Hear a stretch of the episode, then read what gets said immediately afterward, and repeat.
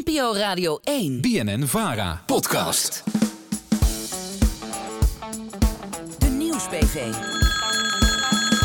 De vraag Aan Den Haag. Elke week gaan wij op zoek naar de antwoorden op jouw politieke vragen. En deze week hebben we ook weer een vraag binnengekregen en dat is de volgende. Zit de oppositie er niet een beetje voor Piet Snot? Want er is toch een regeerakkoord waar vrijwel alles al in is besloten?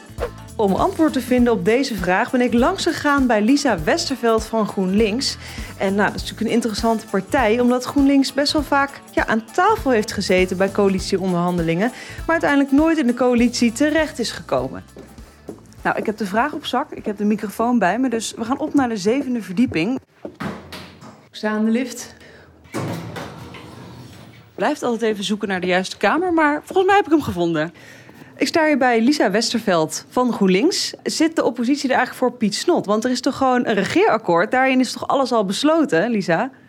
Ja, ik, ik snap die vraag wel. Want heel vaak eh, stemt de coalitie tegen onze voorstellen... omdat het anders staat in het regeerakkoord. Voorzitter, we voeren het regeerakkoord uit. Eh, Het regeerakkoord is erover duidelijk. Maar dit kabinet gaat hiermee aan de slag. Eh, Het regeerakkoord is volstrekt helder. Voor mij is het regeerakkoord leidend. Maar gelukkig gebeurt er ook heel erg veel... wat niet in het regeerakkoord al vaststaat.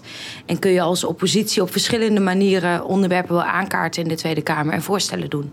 Misschien is het eh, meest concreet wel het schrijven van een eigen initiatiefwet. Kost wel heel veel tijd. Dus vandaar dat veel mensen uit de oppositie eh, dat eigenlijk niet doen. Omdat je ook wel heel veel tijd altijd bezig bent met debatten. Je kunt een eh, initiatiefnota maken. Dus een document met een heel aantal punten die je zou willen veranderen. Je kan ook tijdens debatten moties indienen. En moties zijn eigenlijk opdrachten aan de regering om iets te veranderen. Of je kunt amendementen indienen. En die zijn veel concreter. Met een amendement op een begroting kun je bijvoorbeeld geld verschuiven van de ene naar de andere begroting. Je kan ook echt nog iets toevoegen. Ja, zeker wel. Maar het is wel zo dat als iets in het regeerakkoord staat, dan is het heel moeilijk om dat op te lossen. En eh, je, kun, je kan dus beter als eh, lid van de oppositie eh, onderwerpen zoeken die niet in het regeerakkoord eh, vaststaan. Nou, ja, misschien bijvoorbeeld een tijd geleden kwam er heel veel nieuws over de jonge turnsters, oud-turnsters, die al op jonge leeftijd te maken hadden met grensoverschrijdend gedrag. Nou, daarover stond niets in het regeerakkoord, maar wij hebben een aantal van deze meiden uitgenodigd, een aantal trainers uitgenodigd, mensen uit de sportwereld uitgenodigd om het daarover te hebben. Nou, vervolgens hebben we ook daar een kamerdebat over gehad en hebben in dat kamerdebat best wel wat voor elkaar gekregen. Maar je moet altijd wel even zoeken naar een, een ingangetje om toch iets voor elkaar te krijgen. Ja, je hebt altijd een meerderheid in de Tweede Kamer nodig. Je hebt altijd een coalitiepartij nodig, liefst natuurlijk meerdere, die met jouw plannen instemmen. En dan hebben wij eh, als oppositiepartijen natuurlijk ook soms gewoon minder middelen. Ik bedoel, een minister moet het regeerakkoord uitvoeren, maar een minister heeft een heel ministerie met ambtenaren.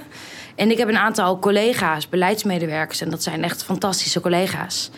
Alleen ehm, wij zijn niet met zoveel, als, eh, met zoveel mensen als in een ministerie. Denkt u soms niet van, oh, zat ik ook maar in de coalitie? Ja, soms denk ik dat wel.